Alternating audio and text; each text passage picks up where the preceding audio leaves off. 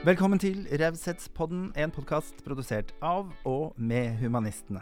Sjekk ut humanistene.no for uh, mer info om oss. Mitt navn er Tore Petterson, og gjesten i studio midt i dag er ei dame som har klart å snu noe skikkelig vanskelig til noe positivt. Fung Hang opplevde grov rasisme allerede på barneskolen i hjembygda Brumunddal. Men det stoppet henne ikke i å oppfylle drømmen om å bli popstjerne i gruppa Cape. God fornøyelse.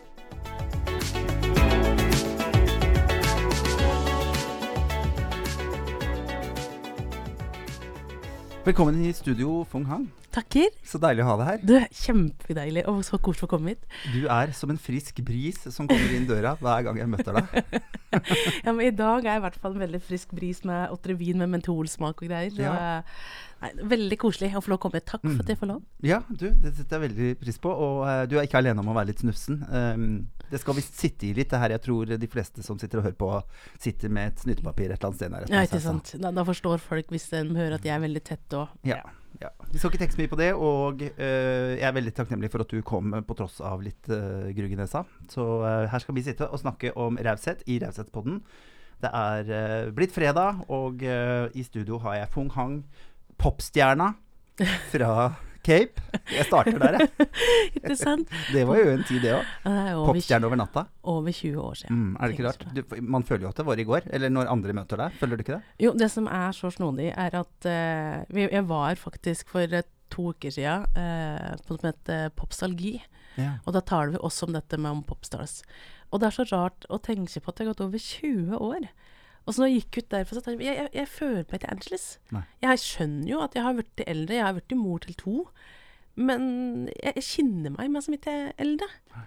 Og det syns jeg er så snålt at det har gått over 20 år. Mm. Det går fort. Det går veldig De fort. sier jo at går, for- livet går fortere og fortere jo eldre du blir. Ja. Eh, Jeg hørte akkurat at det er fordi at vi opplever mye færre ting. Yes. Så jeg har egentlig jobbet litt om dagen jeg, med å prøve å gjøre flere ting. ja, jeg, må... jeg skal utsette meg sjøl for flere nye opplevelser, sånn at ikke ting skal gå så sabla fort. For meg som har vært mor til to, de tre siste åra har jeg gjort akkurat det samme. Stått opp, skifta bleier, og jeg føler det er samme, samme, samme. Så virkelig, det har gått eh, kjempefort, og ikke minst pga. koronaen også. Men nå har ting åpna opp. Nå Vi er det åpent. her. Vi sitter her, dog med glassplata imellom. Jeg, vet, beholder den, jeg. Men tilbake til eh, den pop, eh, popstars og poplivet. Jeg tenker på Helland Bussen for en opplevelse. Også for en for privilegert liv vi har fått lov til å leve, og fortsatt lever. Mm. Uh, jeg tenker at uh, vi er utrolig heldige som får lov til å bo i et land uh, Eller jeg tenker på at som gjør at jeg får lov til å følge drømmen min. Får lov til å gjøre det akkurat det jeg har lyst til.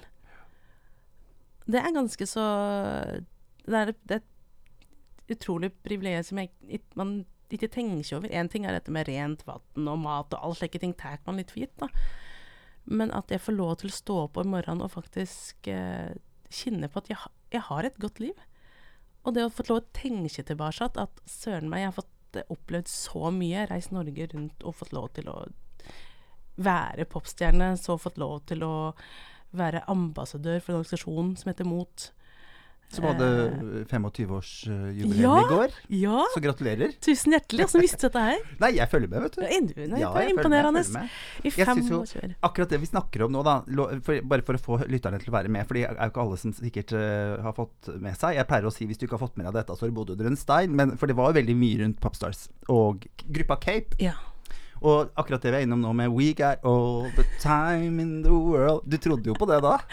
Vet du hva, jeg var 19 år. Jeg kommer fra Brumunddalen. Mm. Eh, Vokste opp i et eh, strengt asiatisk hjem hvor jenter skulle ikke drive med musikk og dans. Eh, Oslo var kjempestort. Oslo City var en Eiffeltårnet. Ja. Så for meg da, som 19-åring, aldri bodd hjemmefra. Du har bare kommet inn til en musikkverden. Alt var stort, alt var nytt. Eh, og du har mest vært inne i et bur, og nå skal du få lov å bo alene. Jeg tok jo fullstendig av for min del. Og, og, og for meg så, så var det liksom ikke bare at jeg fikk lov til å være popstjerne som var det store, men det var hele livet. At jeg masse fikk lov å bestemme over mitt eget liv. Dette var Fungsrud, dette her var framtida mi. At eh, en drøm som jeg kanskje alltid har hatt som lita jente, å få lov i popstjerne, at det, det virka så fjernt. Og plutselig så er jeg der. Jeg hadde aldri trodd at jeg skulle få lov å flytte ut hjemmefra før jeg skulle gifte meg. Eh, at jeg skulle få lov å reise rundt og synge og danse, det var i hvert fall fjernt. Så eh, ting er å få lov til å oppleve drømmen, men å, å, å få lov å leve et liv du aldri trodde du skulle få, Fantastisk. det var veldig stort. Ja, det skjønner jeg. Eh, og når, også når da Cape ble så store som det ble Vi ble eh, Sjølve popstar-serien ble ikke så stor. Eh, vi, eh, det var ikke så mange som hadde TV, det var ikke så mange som så på det. Men det som, når serien var over Vi ble jo kjempesvære. Eh, og jeg skjønte jo ikke hvor jeg, skjønte, jeg, jeg trodde at det var normalt. Jeg trodde at dette her var normalt å, å være som musiker. Men det å, å Fra å være en ukjent person til å plutselig være på forsida Ta VG, Dagbladet, Se og Hør. Alle ønska en beta av deg. Eh, alle ønska noe av deg. Um, det var veldig uvent. Og, og du er 19 år, du er usikker. Um, man lærte kanskje etter hvert at uh, alle som ønska å være venn med deg, ønska Det var ikke fung de ønska å bli Nei, kjent med. Det var, det var ikke fung de unna Mm. uh, godt. Men det var alltid de fikk ut av å være med fung. Eh, og det var noe som man eh, måtte lære seg, som jeg syns var litt trist. Eh, men det er dessverre livet. Eh, og og som vi tar det på oss med, med de andre gruppa, for en reise vi har hatt. Har dere kontakt ennå? ja, vi har hatt kontakt. For noen til USA bedre kontakt enn andre. Ehm, og, og jeg sa det som er så rart, for jeg og Hanne Karine vi var jo veldig forskjellige fra hverandre. For hun var liksom den lange, slanke, eh, mystiske babyen. Mens jeg var meg som hun lille hiphoperen som var uh, mye mer glad og singel og var liksom, fikk ikke med meg så mye. da. Så hun veldig lille, tok veldig lillesøsterrollen. Og nå har vi vært i, veldig nær, så nå har vi vært i hverandres familie. Um, og, og eh, det er veldig godt å ha noen som har vært med deg og opplevd dette her, og skjønner hva vi opplevde sammen. Hvis du kunne sagt noe til de som sitter hjemme, små gutter og jenter på rommet sitt og Mm. skriver og lager poplåter, fordi det er jo eh, pluss og minuset da med å, å leve i en teknologisk tid. At Mm. nå kan du jo lage beats hjemme. Mange som kan lage musikk hjemme, da. Eh, eh, Hvordan var liksom For de sier jo stopp på et tidspunkt. Ja, Og den stillheten der, den har jeg skjønt er kjip. Øredøvende stille. Ja, den var eh, Men det er så mange ting, fordi først og fremst altså, reality, Da vi begynte med reality, så var det så vidt noe som hadde begynt i Norge. Det var eh, Big Brother, det var, bar, det var veldig lite. Eh, og Cape, vi ble jo så svære. Altså, det var eh, det, så, Jeg skal si vi Jeg tror ingen visste hvor store skulle vi bli. Så alle ble overraska. Eh, ta et godt eksempel at når vi skulle signere på kjøpesenteret og, og, og um, synge, så måtte de stenge av, for det var liksom for sikkerhetsmessige grunner, for det var for mye folk. Når vi skulle ha konsert, så husker jeg hvordan folk fløg til backstagen bort til vanen vår og sto og rista i bilen. Og det er slike ting som jeg tenker bare Oi, skjer dette her, liksom? Og jeg trodde jo det var normalt. Det var ikke det. Så, så du blir kasta inn i noe som gjør at um, du lever uh, på en måte en, en rolle. Fordi eh, Fung som person ble jo borte. For Fung eh, som Cape var den som var eh, to, tok mye plass. Fordi du var mye på inntur. Du var, Fung som person var borte også, fordi vi var fem personer som skulle møtes og være en gruppe. Eh, så, så Fung som Cape tok mye større plass, og Fung som person måtte gjemmes til du skulle legge deg. Da var jeg Fung aleine. Eh, Så du gikk jo hele tiden kompromiss, kompromiss med deg sjøl, fordi du har lyst til å være med på et konsept. Du har lyst til å være med på noe som endrer livet ditt totalt. Men du er for ung, eh, du er for eh, usikker til å tørre å si hva du egentlig vil og ønsker. Heldigvis, den gangen så var det ikke så stort press på skal si utseende. Det jo, har alltid vært et press rundt utseendet, men det var ikke så, sosiale medier var ikke der. Det var ikke noen rød løper. Vi fikk ikke noe terningkast for å gå på rød løper. Altså, vi kom rett fra konsert og møtte opp, og det var det det var.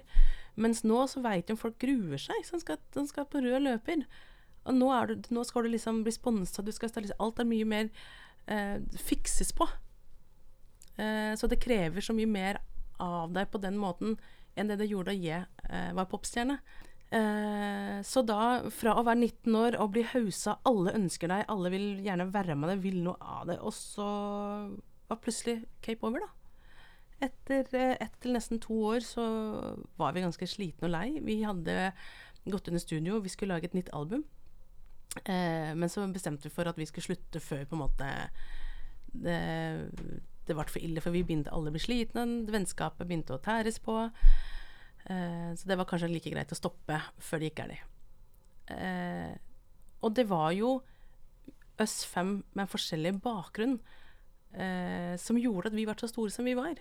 Fordi vi da klarte med fem forskjellige mennesker klarte da å dekke på en måte et behov av fem forskjellige typer mennesker. da. For hvis bærer Fung, så er det kun én type folk som liker meg. Men når du hadde fem forskjellige, så hadde du fem forskjellige grupper. Yeah. Og jeg tror også at derfor ble vi så store som vi ble. Eh, For dette var rundt samme tiden som Spice Girls. Dere kom jo på veldig riktig tid. Absolutt. Det var en eh, sånn Det var en veldig riktig tid. Eh, men det var også litt gæren tid, i den forstand at eh, Du var for ung, kanskje? Ikke at jeg bare var for ung, men, men eh, dette med reality-konsept ble jo veldig hata. Altså det her, du hadde jo Briskeby som hadde, og folk som hadde stått i kjelleren og øvd og liksom hadde stått på og skrevet egne låter og liksom på en måte Du skulle være kred-artister. Og så kommer det da fem stykker da, som har vært med TV-program, og så får dere all spons, alt er så lagt til rette, så du blir jo også hata. Så det er jo faren, og det tror jeg fortsatt er i dag, at eh, ved å si ja til å synes, da, så sier du også ja til mange andre negative ting, som du da må ha tenkt, tenkt gjennom at orker du å stå i det? Klarer du å stå i det? Har du mennesker rundt deg som kan støtte deg og være med deg, så du klarer å stå i det? Eh, Hadde dere en oppfølging? nei, det hadde vi ikke. Ingen som snakka med Eh, dere og fortalte hvordan dette Ingen nei. som kunne det, kanskje? Nei, for folk visste ikke helt og de sa, hva vi sa ja til.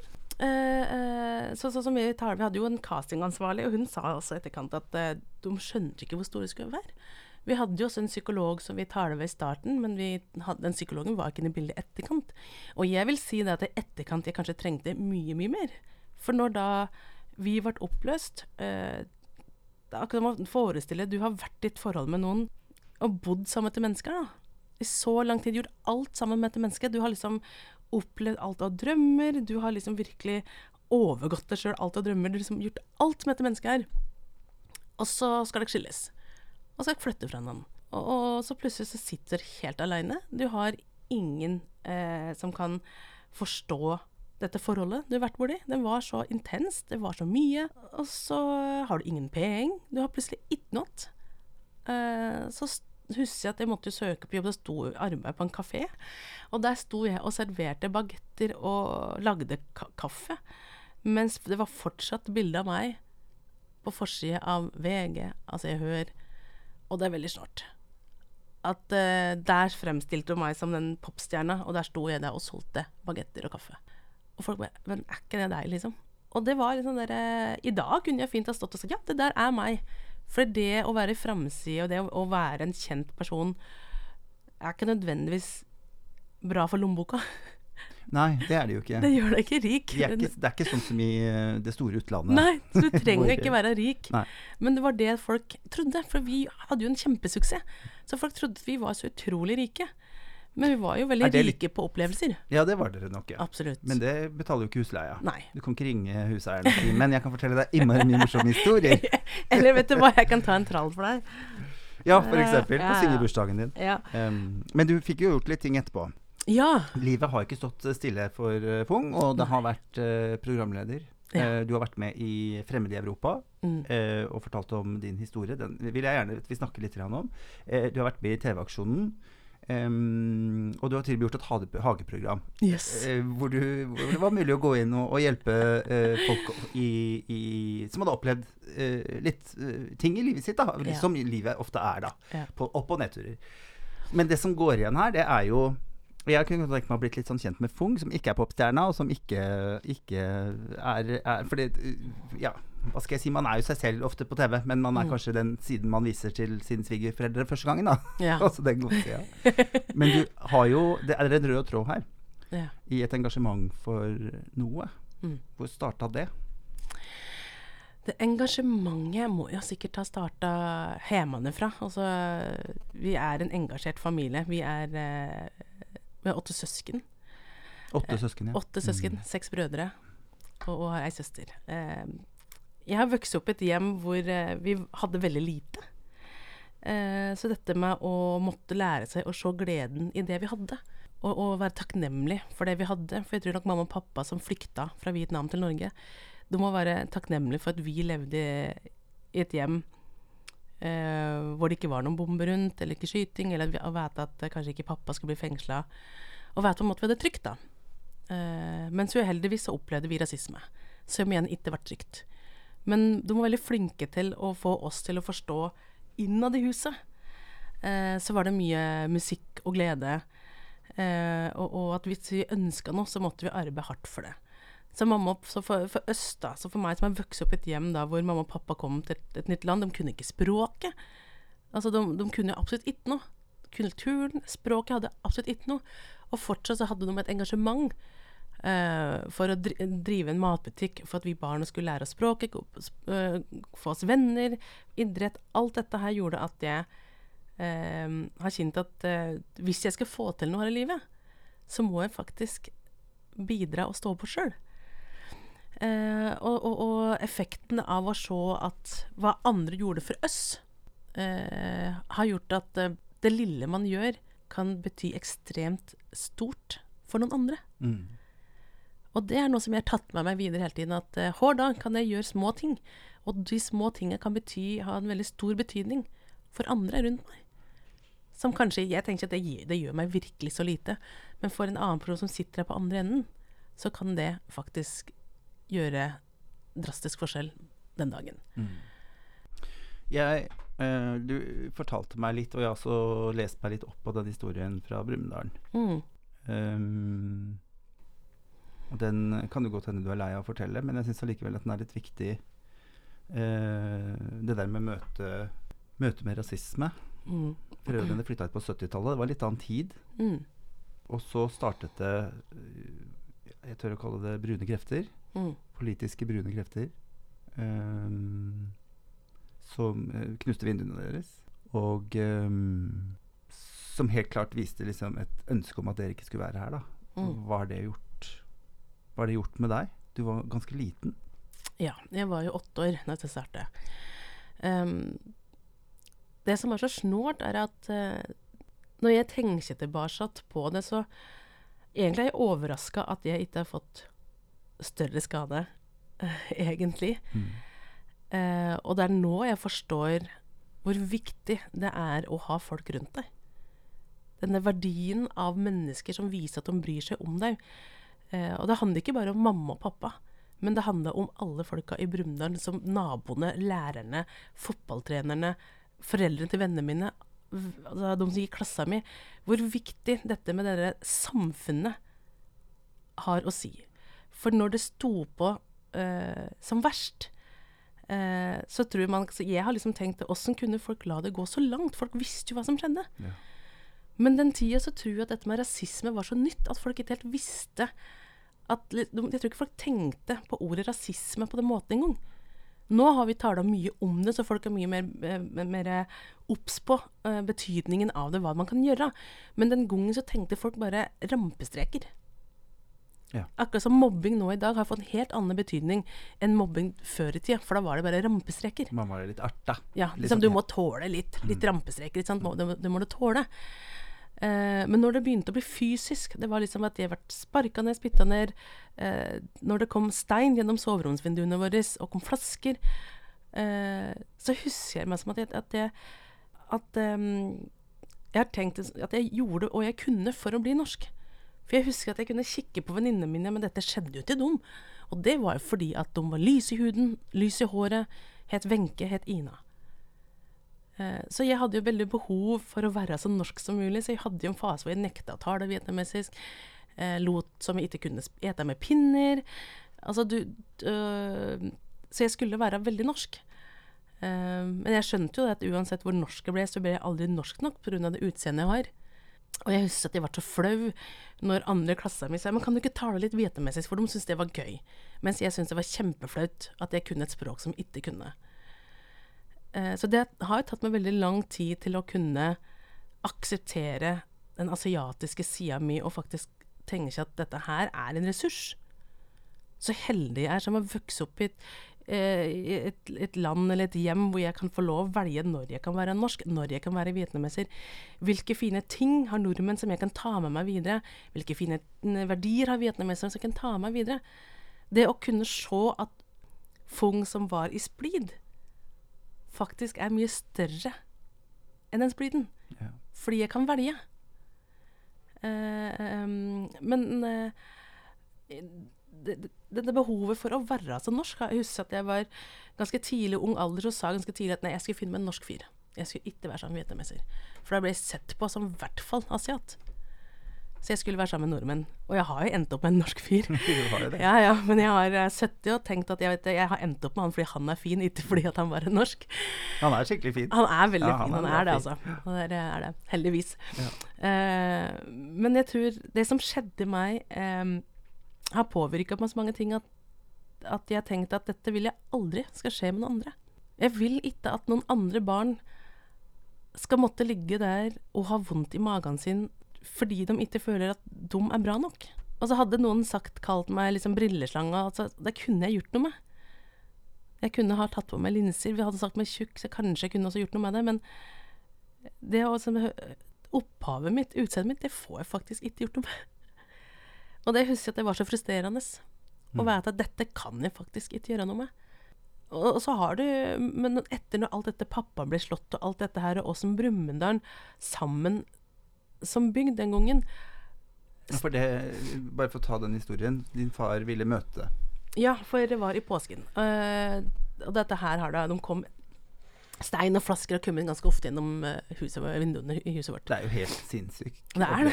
Ja. Det er uh, Jeg kjenner det helt inni margen min når du sitter og snakker om det. Ja, men altså, det som jeg syns er mest skummelt, er at dette var vanlig. Ja. Dette vokste med, dette levde jeg med, og det var helt normalt.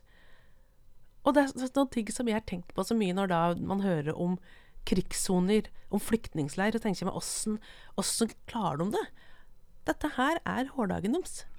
Og det er det som jeg, som jeg har tenkt så mye Skremmende egentlig, da, hva vi Ja. mennesker venner oss til. Ja, Ja. og det er det som jeg syns som jeg tenker på at dette her er normalt. Hadde jeg hørt om et barn som hadde levd i sånne vilkår nå, så at det er ikke normalt, det skal ikke skje. Men det var slik det var for oss. Men uh, så kom det en uh, Var det en lørdagskveld hvor uh, det hadde kommet inn en ny stein gjennom soveromsvinduet. Og så gikk pappa ut for å konfrontere dette her med sånn Han ville sjekke at det var, og hadde fått nok. Men da ble jo pappa ordentlig eh, skambanka. Eh, og han ble eh, skambanka, dratt bort i et hjørne, eh, og så ble han dratt jo under en tunnel hvor, hvor vi da kunne se dagen etter hvor pappa hadde vært den, pga. alt det blodet som ble igjen etter pappa. Ja. Ehm, og så er det helt vilt å tenke seg på Der ligger det en voksen mann eh, som blir sparka ned, spytta på og ihjelslått fordi han ikke lyser huden, fordi han ikke lyser håret, og fordi han ikke heter Jan. Og at de som sto der, at de følte at det de gjorde, var OK at dette her var doms rett. Dette var helt ok å gjøre mot et annet menneske. Som er eh, far til noen, som er bror til noen. Som er et menneske av kjøtt og blod. Og, og når jeg tar om dette her, så tenker jeg på deg da, som da er homofil. Og hvor mye du har måttet tålt. At noen kan sitte der, eller stå der, og tro at de har en rett til å behandle andre mennesker som dritt. Fordi du innerst inne er så full av hat. Den syns jeg er eh, trist å tenke på. At det fortsatt fins folk nå i 2022 som ikke har det bra med seg sjøl, og da fysisk må gå på andre mennesker. ja, for det er det det handler om. Ja. At de har det At de har det vondt. Ja. Mm. Hvordan er, tenker de vi skal møte det? Jeg tenker at dette her er eh, Altså, jeg skulle så gjerne ønske eh, Etter jeg fikk barn, så skulle jeg tenke at idet man ble gravid, så skulle man ha gått på foreldrekurs med en gang. Man skulle ha kartlagt familiesituasjonen. Man skulle ha talt om verdier. Ok, åssen er situasjonen deres? Her burde vi Dere trenger mer støtte. Her trenger vi mer hjelp. Her er det en alenemamma som trenger mer, som ikke har rundt seg. Her er, oi, her er det en familie med verdier som vi må kanskje komme inn og øh, hjelpe litt. Få dem til å forstå ting litt annerledes. Um, jeg har tenkt at det er, det er jo ingen mennesker som er født onde. Det er ingen som er født med hat. Så hat er noe vi har fått, opplevd, dårlig opplevd, som har gitt oss et hat, gitt oss en hat og en usikkerhet, da, som gjør at vi føler for å angripe noen. Og det er derfor, og da handler det mye om trygghet. Og den tryggheten får vi siden vi var små, til foreldrene våre, til folkene rundt oss. Og det er derfor jeg tenker på når folk sier 'it takes a village uh, to raise a child'. Det er jo så riktig. Men vi har slutta med å være villagen. Fordi vi alle har så nøkk med oss sjøl. Og det som jeg syns er så snålt, er at jo rikere vi har blitt som mennesker, jo kaldere har vi blitt òg. Uh, så jeg tror at uh, Så jeg skulle så gjerne ønske eh, man skulle ha At det hadde vært noe kursing som foreldre.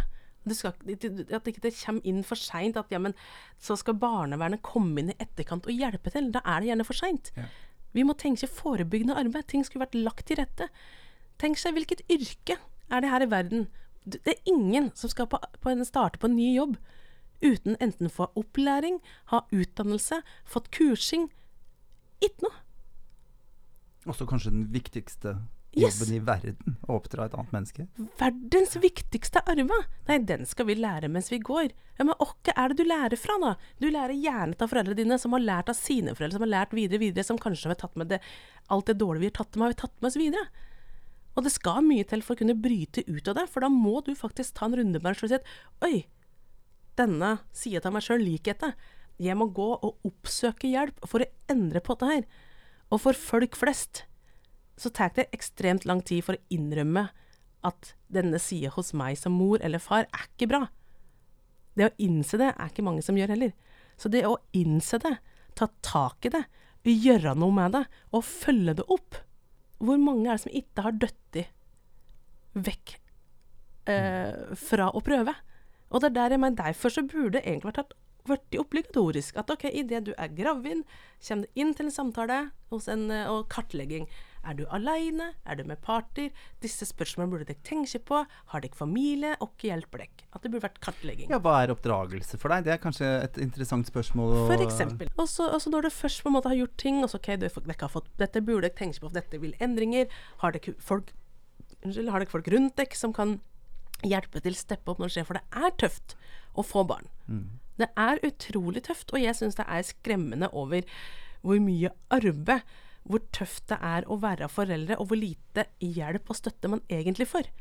For dette skal man masse om lære Jeg skal liksom være Jeg skal vite, jeg skal lære barna mine gode verdier. Åssen skal jeg vite hva som er gode verdier til barna mine? Det er visse basice ting som jeg tenker man burde ha kommet fra staten i, at dette her burde alle, idet du er gravid, jeg skal på kursing.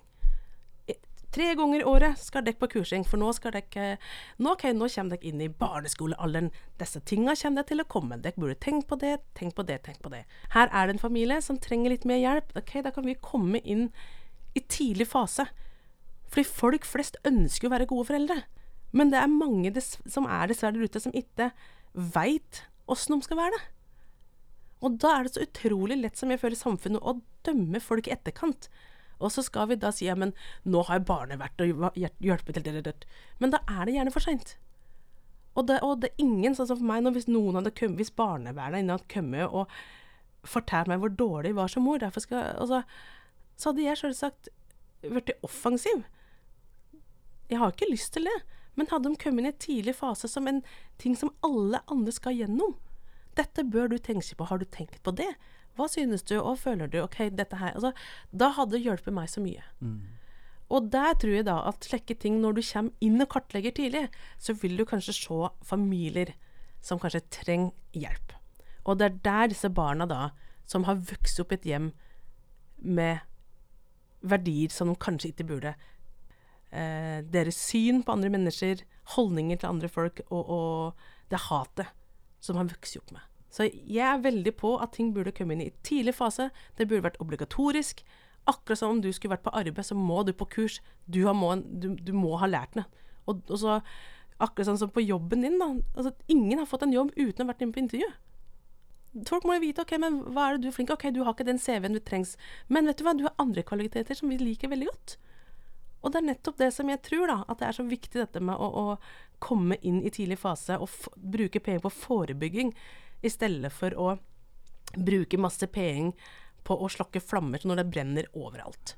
For det er jo litt sånn at vi eller vi, jeg har jo ikke barn, men det er veldig mange som er flinke til å lese bøker før de får barn. Mm. Da skal de ha all informasjon, og de skal vite ditt, og de er inne på mammablogger og pappablogger og ting og tang og tjo og hei. Og så har jeg jo jeg har jo holdt noen foredrag, det vet jeg du har òg. Ja. Og da har jeg kanskje vært på en skole med si 500 barn, da. Og så holder jeg foredrag for foreldrene om kvelden, og så kommer det 50. Mm. Ikke sant? Ja. Eh, så det er jo litt den samme. Det er vanskelig når du har blitt voksen. Ikke sant? Det er ja. vanskeligere å få foreldrene til å fordi at det, Ja, nei, jeg, bare ville poengtere det. At mm. før de føder det barnet, så er, så er, vi veldig kunnskapstørste på en eller annen måte. Ja, det, Ved å bruke den tiden godt. Absolutt. Venne de til at, at, man skal stille opp på sånne ting og høre litt om hvordan man kan uh, men det som er da, som oftest de som sitter der og leser slike mamma, som leser alle slike ting For det første så er det ikke de som egentlig er utfordringen heller. For de har et ønske. Så de vil da, når ting går dårlig, så kommer de til å oppsøke det sjøl. Ja. Det er ikke de som er problemet. Problemet er de som kanskje ikke gjør noe. Som, ikke, som sitter og tenker at ja, men jeg har ikke noen problemer. Det er der det ligger. Og det er der jeg mener, for folk som oppsøker, for du veit Akkurat sånn som hvis du, Sånn som jeg tenker på, det er lett å lese bøker da du er gravid. Fordi det er spennende, det er nytt, og du har tid til det. Nå som jeg har to små, har ikke tid til å sitte og lese en bok, jeg.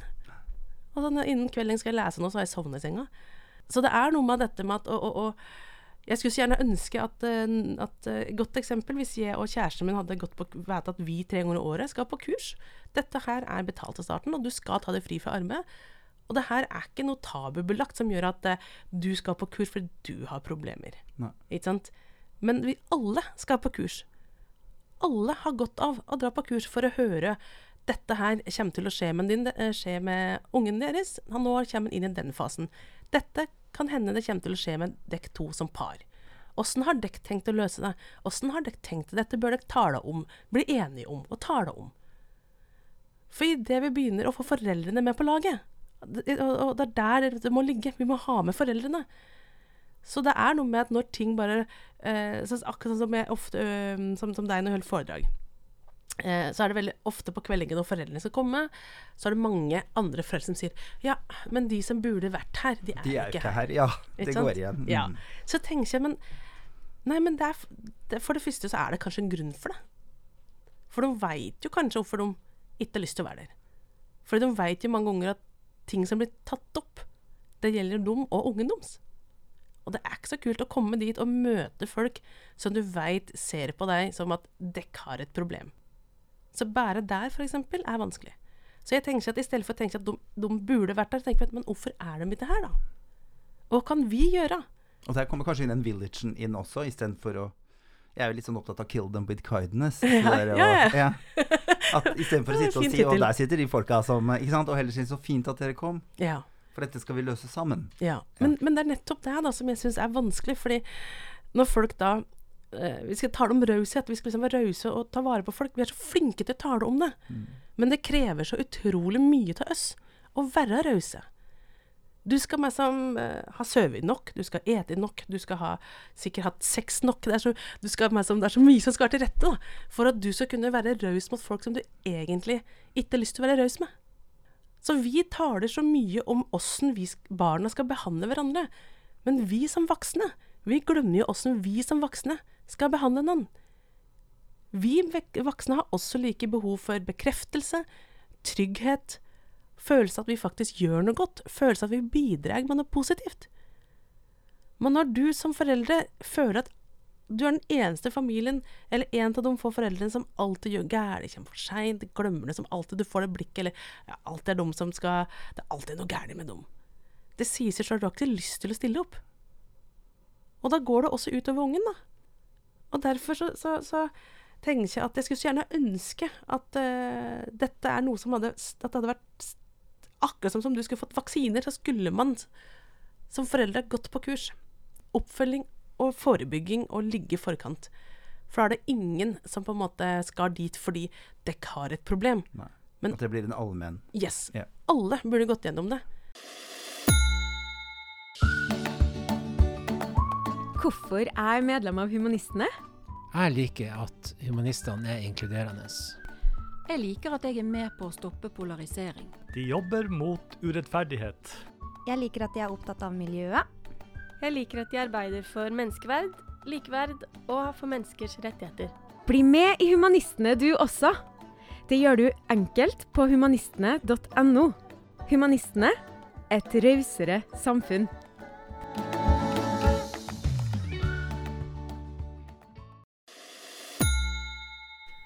Men det endte jo litt godt. Det endte heldigvis veldig godt med oss. ja, denne historien. Eh, med familien vår. Eh, vi, eh, eh, vi kom oss veldig godt ut av det. Eh, men det er jo også fordi villagen Ja. Ikke sant? Akkurat det vi snakker om nå, skjedde Ja. jo faktisk. møtte Brumunddal møtte opp. Når folk gikk hånd i hånd eh, rundt huset vårt for å vise at de brydde seg om oss. Jeg ble kjørt til og fra skolen. Eh, lærere kjørte meg hjem igjen. Foreldre til vennene mine kjørte meg hjem igjen fra treninga. De viste at de hadde et ønske om at eh, vi skulle forstå at de støtter oss, og at vi er her for å ta vare på dere, sjøl om dette her har skjedd. Men nå ønsker vi en endring. Og det er derfor jeg tenker at eh, Jeg er så glad for at når dette her skjedde, så var det familien min det skjedde med. Eh, en familie som var, eh, eh, som var så heldige at vi har fått så mye hjelp fra folka rundt oss. For hadde dette skjedd i et annet storby, f.eks., så er ikke sikkert folk hadde brydd seg på samme måten. Det at vi bodde litt av stelle, gjorde at vi kjente jo mange. Brødrene mine eh, var jo ressurssterke gutter også, som gjorde at det var mange som så oss, på godt og vondt. Det ga oss muligheten til å bli tatt på alvor og få den hjelpen når det trengtes. Jeg veit om mange som bor eh, større byer, som ikke synes. Det blir borte. Det blir en del av mengden. Du hører om den familien som har det kjipt, men det er så mange til rom. Mens i Brumunddal så, så syntes vi. Mm. Og da ble det tatt tak, eh, tatt tak i. Eh, og, og i fjor så hadde vi jo 30-årsmarkeringa for eh, hva som hadde skjedd i Brumunddal. Ja. For for 30 år siden så var dette med at eh, Arne Myrdal kom til Brumunddal, eh, og antirasistene og blitzerne møtte opp Brumunddal. Det var et kjempeslagsmål. Slaget på Brumunddal. Slaget i Brumunddal. Ja. Eh, og det er så rart, fordi jeg husker at jeg så blitzerne som hadde svart skinnjakker og hår med masse forskjellige farver. Jeg tenkte at det her er dødskult. Jeg visste ikke hva blitzerne eh, hvilke verdier de hadde. Eneste jeg visste, var at de var på laget vårt. Men eh, da Arne Myrdal kom til Brumunddal for andre gang for å holde en appell, eh, så stilte jo over 4000 mennesker i Brumunddal og vendte dem ras rasisme i ryggen. Og den gangen hadde vi ikke Facebook eller sosiale medier. Og idet Arne Myrdal eh, tok opp mikrofonen og sa sine første ord, så første rad snudde seg, andre rad snudde seg, og alle hadde tatt klistremerke med 'Venn rasisme ryggen'. Så eh, i fjor så hadde vi 30-årsmarkeringa, og eh, jeg skulle til Brumunddal og synge i den gata hvor jeg en gang hadde blitt spytta på. Ja. Og det var så sterkt. Det var så, så sterkt. Er Jeg vet ikke om du føler det samme når du drar hjem til Drammen, men det er en gata som på en måte har betydd så mye for deg, på godt og vondt, da. I den gata der så, så Det var der jeg lærte å sykle, det var der jeg satt og åt, is med vennene mine, gikk 17. mai-tog. Og så er det samme gata hvor du har opplevd så kjipe ting. Den derre eh, utryggheten når du går gjennom gata. Eh, du husker så godt åssen hjertet banka, klamme hender, hvordan skuldrene bare hever seg. Og så går du der nå som en voksen person, da. Eh, og, og blitt mor til to. Og så skulle jeg stå der nå og synge mine egne låter, eh, som betyr veldig mye for meg. Og det, jeg ble så mye grining. ja, det kan jeg støtte meg. Og det var så mye følelser. Og, og første låta gikk jo helt gærent. Eh, Jeg fløy opp på scenen og bare 'Brumunddal!' Og så så du plutselig da gamle læreren din, og du ser da plutselig gamle naboen din, og du så bare alle mennesker. Og jeg bare Rakna det. Og det er bare totalt. Og, og, og du veit jo det, som artist, da, så har du lyst til å levere bra. Det var ikke sjans i det hele tatt. Jeg bare grein og grein og prøvde å holde en rein tone. men, eh, men jeg tror nok folk skjønte at dette var veldig sterkt for meg, å stå der Og så Det var vel sikkert flere eh, tårer der, vil jeg tro. Det hjalp, det hjalp ikke når jeg sto og grein, og jeg, når jeg endelig klarte å ta meg sammen, så ser jeg at andre står der og griner, og du ser bror din stå der, og voksen mann da på eh, 90 kilo og bare griner meg som det er ikke Men det er så, det var, altså, det er så mye eh, under, Ikke undertrykte følelser, men disse vonde følelsene, sjøl om enda hvor mye du har bearbeida, så er det fortsatt sårt. Eh, og, og det er fortsatt vondt. Og, og når du kommer tilbake, så ripper det opp.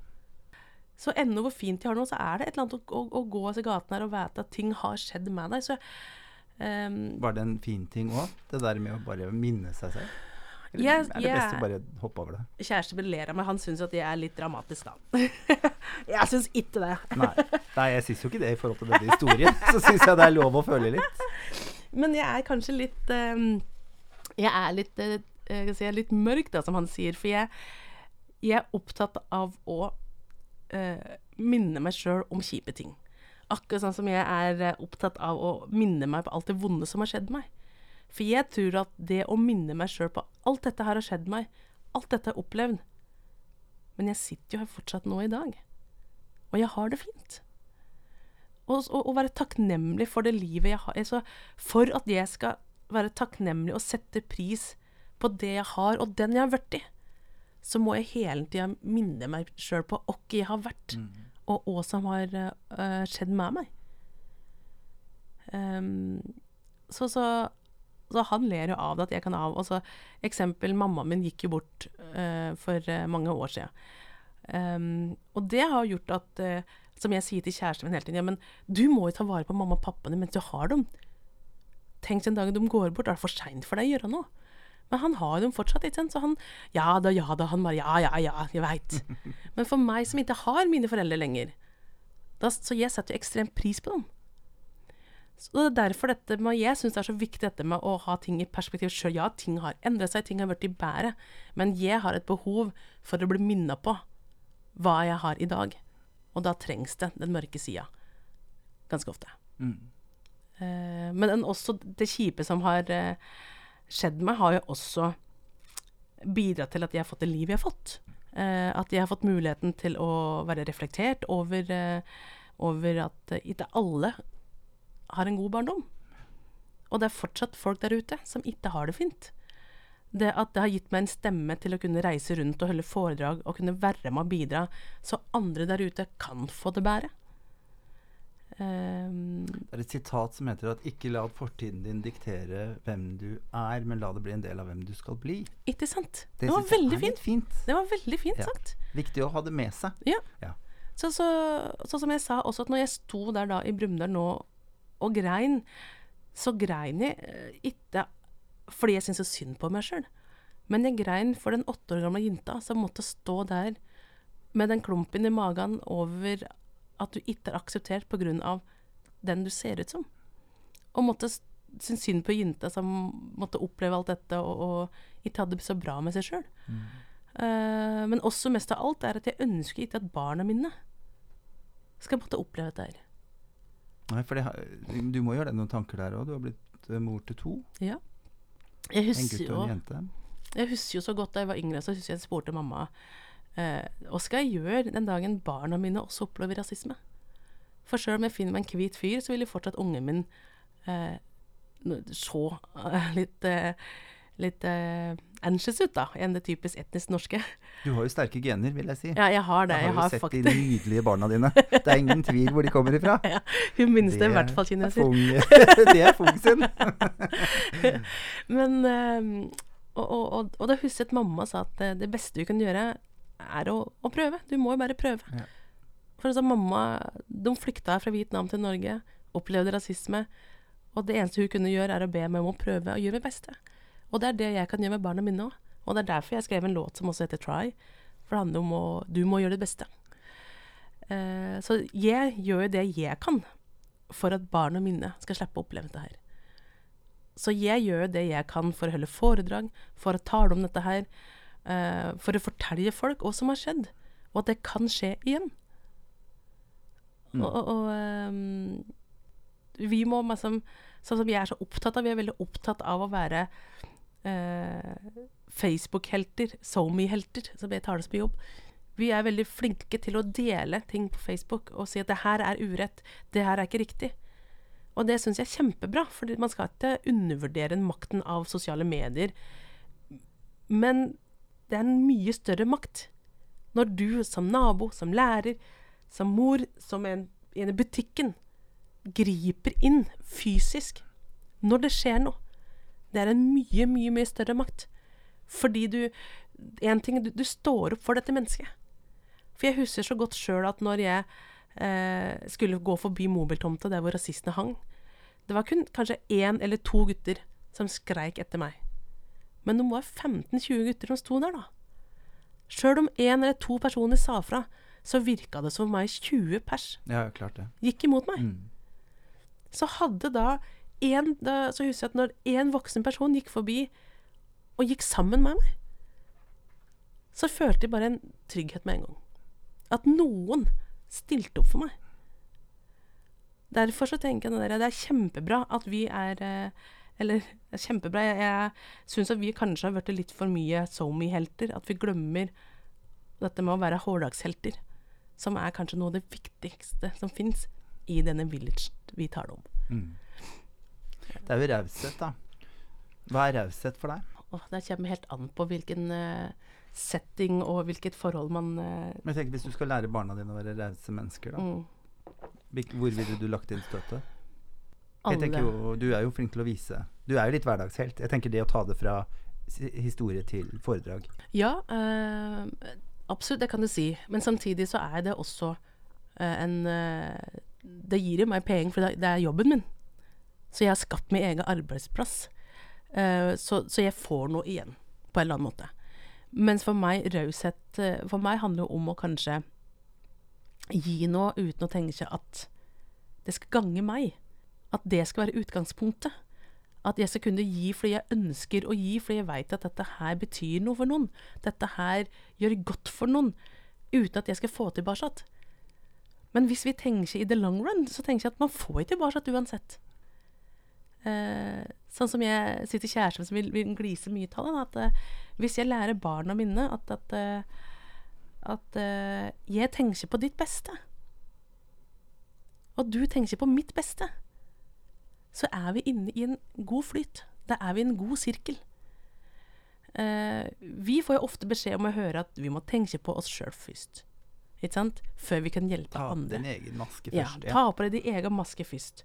Og jeg tenker at ja, det er jo du må, altså Når det er så drastisk at det handler om å puste, så ja, du må ta på din egen maske først og fremst for å hjelpe andre.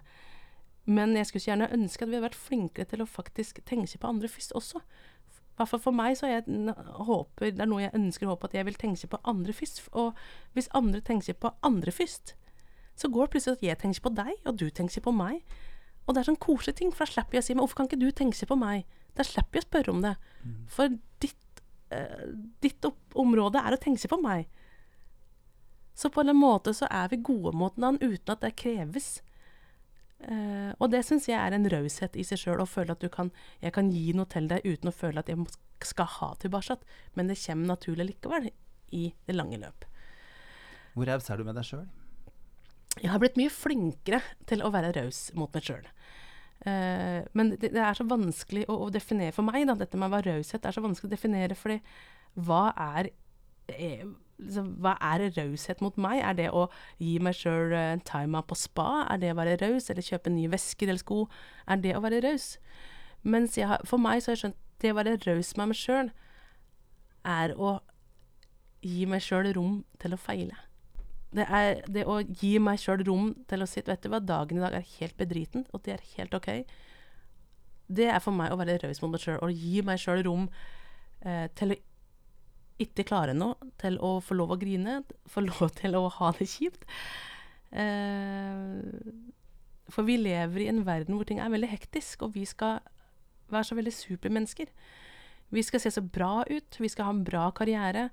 Eh, vi skal ha mange følgere, vi skal være så utrolig viktige, vi skal ha så mange venner, vi skal ha så viktige fester. Vi skal, det er så mye vi skal. Så jeg har funnet ut at eh, beste måte for meg å være raus på, er å akseptere at eh, Vet du hva, jeg har ikke så mange venner. Jeg har ikke så jæklig mange interessante fester som jeg drar på. Eh, jeg har et helt decent, normalt A4-liv, og det er helt OK for meg. Så det å gi meg sjøl rom og kreditt for at det jeg har, det er nok, det har kanskje blitt min form for raushet. For jeg har levd i et liv hvor jeg har måttet jage, og det har ikke vært om å jage etter økonomiske goder, men det å jage og vise andre at eh, jeg, er, jeg er en morsom person å henge med. Jeg er en viktig person å henge. At jeg er så veldig viktig, jeg har så viktig jobb. Alt det har jeg kanskje bare sagt til meg selv, nå må du være rausere mot deg sjøl. Si at du trenger ikke alt det der. Og det tror jeg har vært den rausheta jeg ønsker at barna mine skal få med seg. At det du har, det er nok her og nå. Og den dagen du skulle føle for at du trenger mer, så jobber du mot det. Men det å kunne bare sitte der og tenke at det her er nok. Veldig fint. Vi har en rosa skål. Den Ja. rosa skåla må vi jo innom. Veldig glad i rosa. Vil innom. OK. Eh, der er det altså eh, ord som humanistene jobber etter. Det er, eh, er eh, våre verdiord. Og så skal du bare fortelle meg hva som faller ned i hodet ditt når du ser det. ok. Ja. Jeg får litt slik der bingo-følelse når jeg sitter det, både med mikrofonen og liksom Inga nummer tre. Skal vi se. Egenverd. Ja. Ikke sant. Egenverd for meg er å kunne se verdien i den jeg er som person. Eh, jeg gikk lenge og, og um, miksa dette med sjøltillit og eh, sjølverdi. Ja. Fordi det å ha god sjøltillit er ikke samme som å ha en, eh, en, en eh, vel, velfølelse, eller vel, jeg kan kalle det for noe egenverd, da. Eh, så jeg gikk jo lenge med god sjøltillit uten dårlig egenverd, hvis man kan si det på en måte der. Mm, mm. Eh, og det syns folk var så rart. Folk ja, Fung, du har det så god sjøltillit, du er det slekk, og du får til så mye ditt og datten. Eh, men jeg hadde et ekstremt dårlig syn på meg sjøl. Så det i, i egenverd for meg nå handler om å Kanskje det vi taler om i stad, dette med å sitte her og være fornøyd med den Fung har blitt i. Selvsagt, jeg har jo dager hvor jeg syns Fung er utrolig kjedelig, det er ikke det. eh, når du er mamma til to i tillegg. Men det å um, ikke kjenne det presset på at jeg må være noe kjent person. Og ikke være på forsiden av liksom, Prøve å, å legge ut sånne At jeg, jeg, at jeg må gjøre meg sjøl mer interessant enn det egentlig er. Fordi det å vite at jeg er interessant nok for de menneskene som betyr noe for meg, det har jeg tenkt Det, det tenker jeg at det er egenverd for meg. Nydelig avslutning. Takk. Fung, tusen takk for at du ville besøke meg i Raushetspodden. Jeg vet at du driver og spiller inn musikk. Yes. Det gleder jeg meg til å høre mer av. Jeg har fått høre litt. Uh, lite grann. Eh, så det syns jeg de som hører på også skal følge med på, fordi det var eh, ordentlig, ordentlig fint. Så vi har en um, Ja, og så er det fra deg. eh, på en måte fra ditt hjerte, opplever jeg. da Ta liksom popstjernedrømmen som er der ute, og så ned til ditt hjerte. Så jeg håper du får en fantastisk helg. Takk for at jeg fikk lov å komme. Veldig koselig. Tusen takk for at du hørte på Raushetspodden, en podkast produsert av og med Humanistene. Sjekk ut uh, humanistene.no hvis du vil vite mer om oss. Så da gjenstår det bare for meg å si jeg håper at du får en skikkelig fin helg. Ta godt vare på deg sjøl, så ses vi om en uke.